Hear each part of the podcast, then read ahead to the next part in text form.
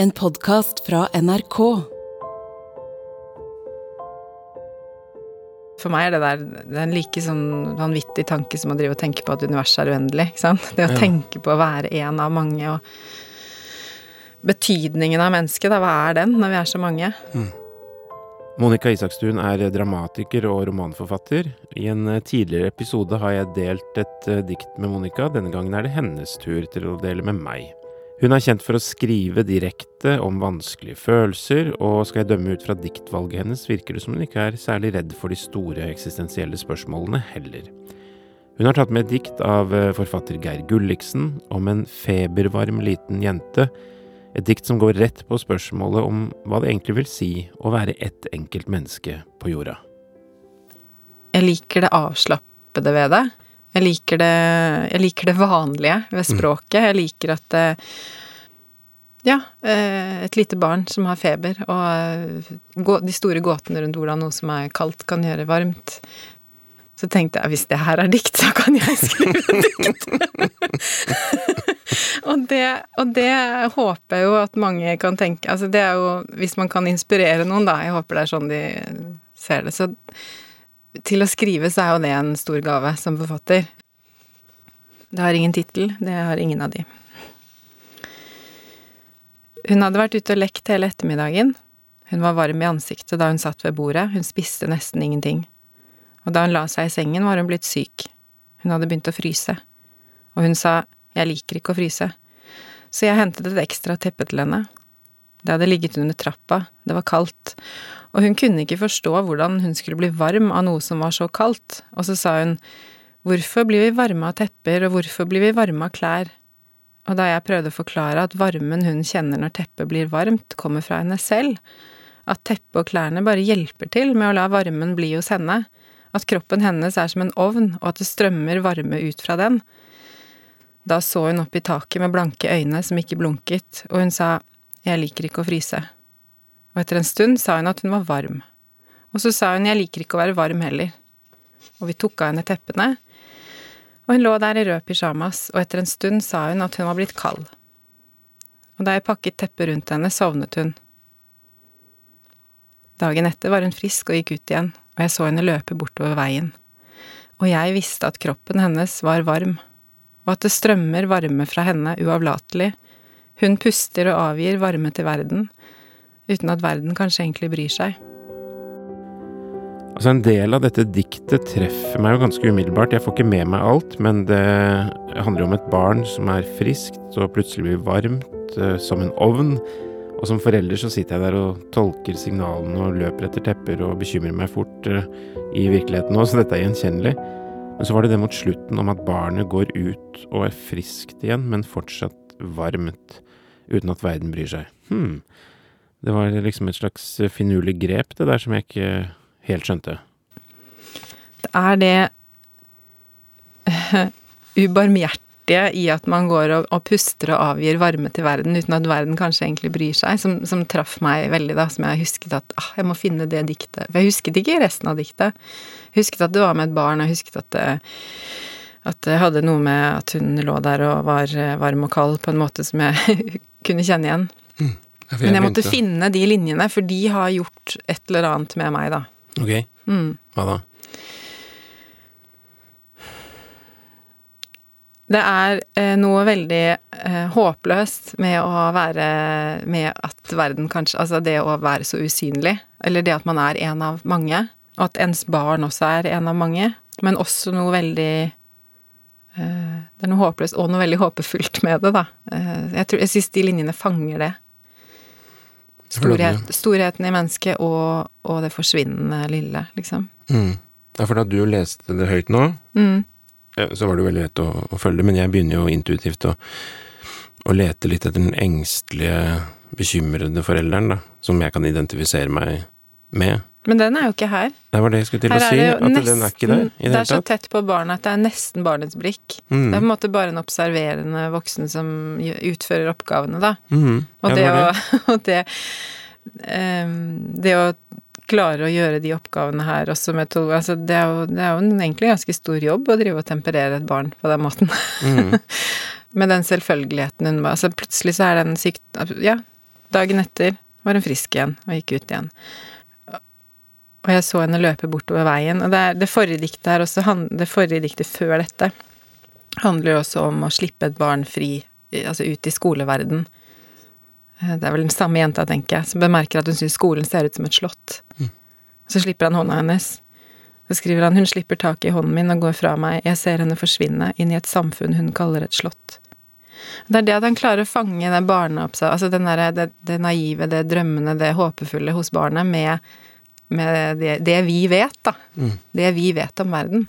Hun vet ikke at verden kanskje ikke bryr seg, på en måte. Eller hun vet ikke at verden kanskje ikke er et slott. Men så begge deler finnes der i teksten, og det, det rører meg veldig. Fordi at uh det at på en måte både barnets blikk på verden, eh, at verden At skolen ser ut som et slott, eller at um, Ja, nå er det jo ikke barnet som selv merker at hun puster og avgir varme til verden, nei, men det er et faktum. Men, men det at man At barnet går rundt der og er så mye liv, da, eh, og er så, er så viktig, på en måte, men samtidig, i den store sammenhengen, hvem bryr seg? ikke sant? Mm. Det er så Både så vakkert og så Altså, det er jo noe veldig brutalt i den motsetningen. Som jeg syns de linjene fanger veldig godt, da. Mm. Ja, den påminnelsen Altså, jeg prøver å minne meg selv på barns blikk absolutt hele tiden, jeg som småbarnsfar, og svikter uh, ofte. Mm.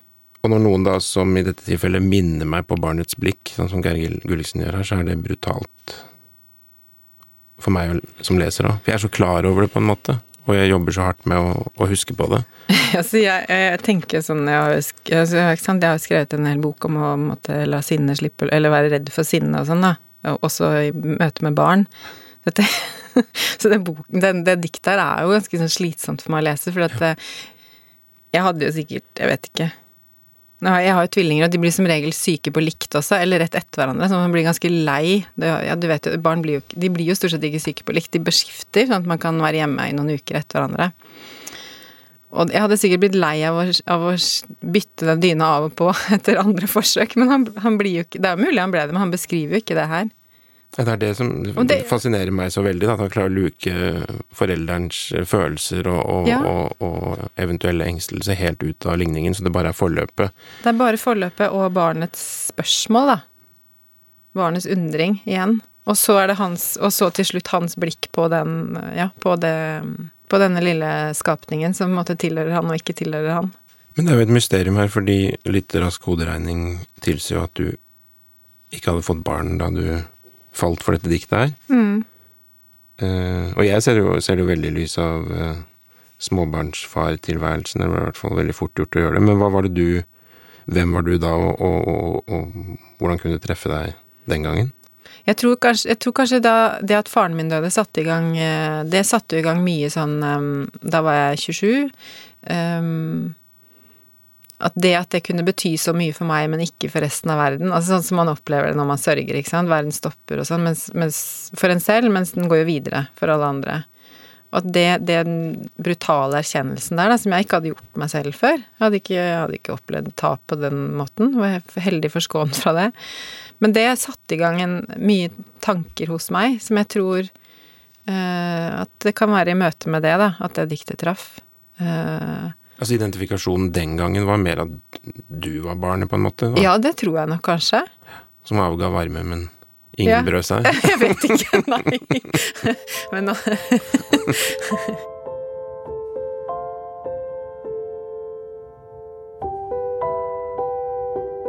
Ja, det virker som Geir Gulliksens diktsamling Se på meg nå ikke akkurat det er lektyre som skal få oss til å falle til ro, men at den nærmest vil at vi skal stirre de store spørsmålene i hvitøyet, og sannsynligvis ikke få svar.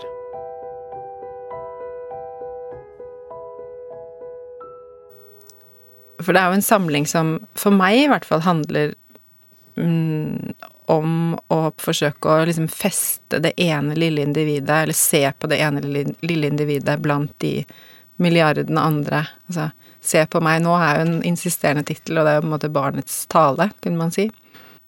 Den derre tanken om å være forsvinnende liten, da, og at verden ikke bryr seg, at det tror jeg var noe jeg fikk eh, erfare og tenkte veldig mye på da min pappa døde. Um, som jo betydde på en måte alt for meg, men som bare var en, en helt vanlig fin mann i verden. Og verden går videre.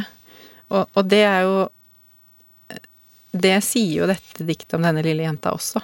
At hun er en helt utrolig nydelig, fin liten skapning som har vært å legge teppet over og ta av igjen og legge teppet over og ta av igjen for, denne, for dette voksne blikket som skriver. Men for resten av verden Vanlig liten jente.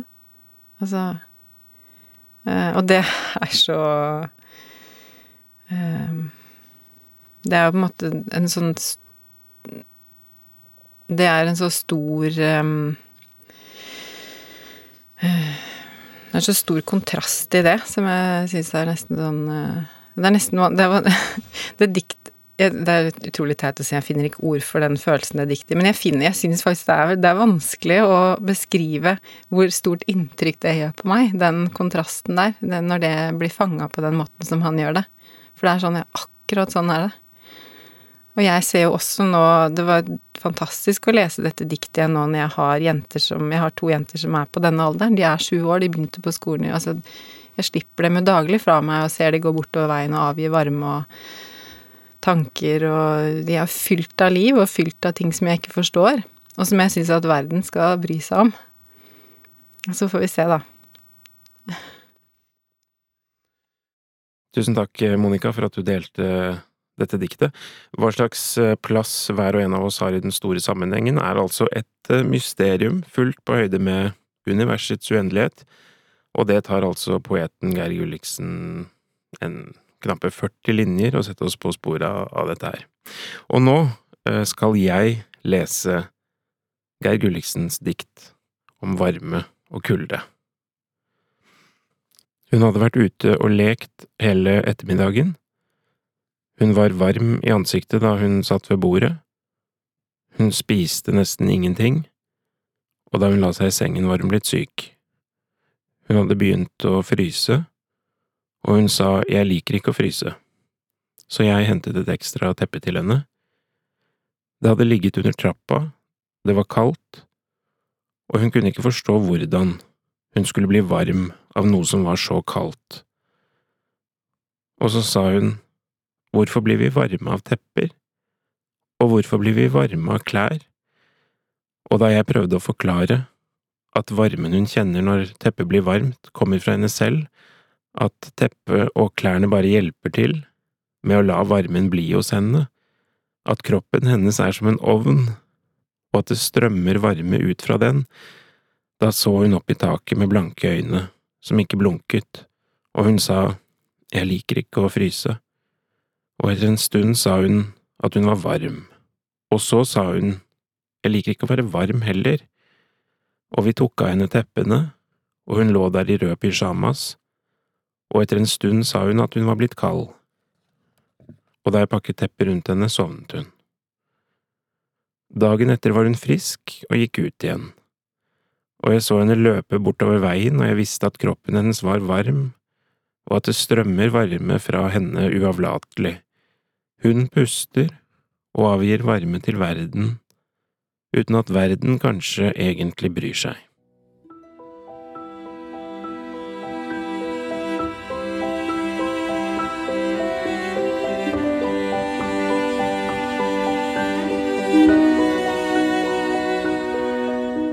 Denne podkasten er laget av meg, Hans Olav Brenner, Kristine Lossius Torin og Janne Kjellberg. Redaksjonssjef Ingrid Nordstrand. Sommer i P2. Da jeg var 11 år gammel, bestemte jeg meg for å bli kunstmaler. Og da jeg var blitt 16, flyttet jeg til Oslo for å følge drømmen. Jeg heter Sverre Bjertnæs, og i mitt Sommer i P2 skal jeg fortelle om hvordan det å stole på meg selv som kunstner ble en lang og smertefull prosess. Sommer i P2. Hver dag klokka ni, og når du vil, i NRK radio, nett og mobil.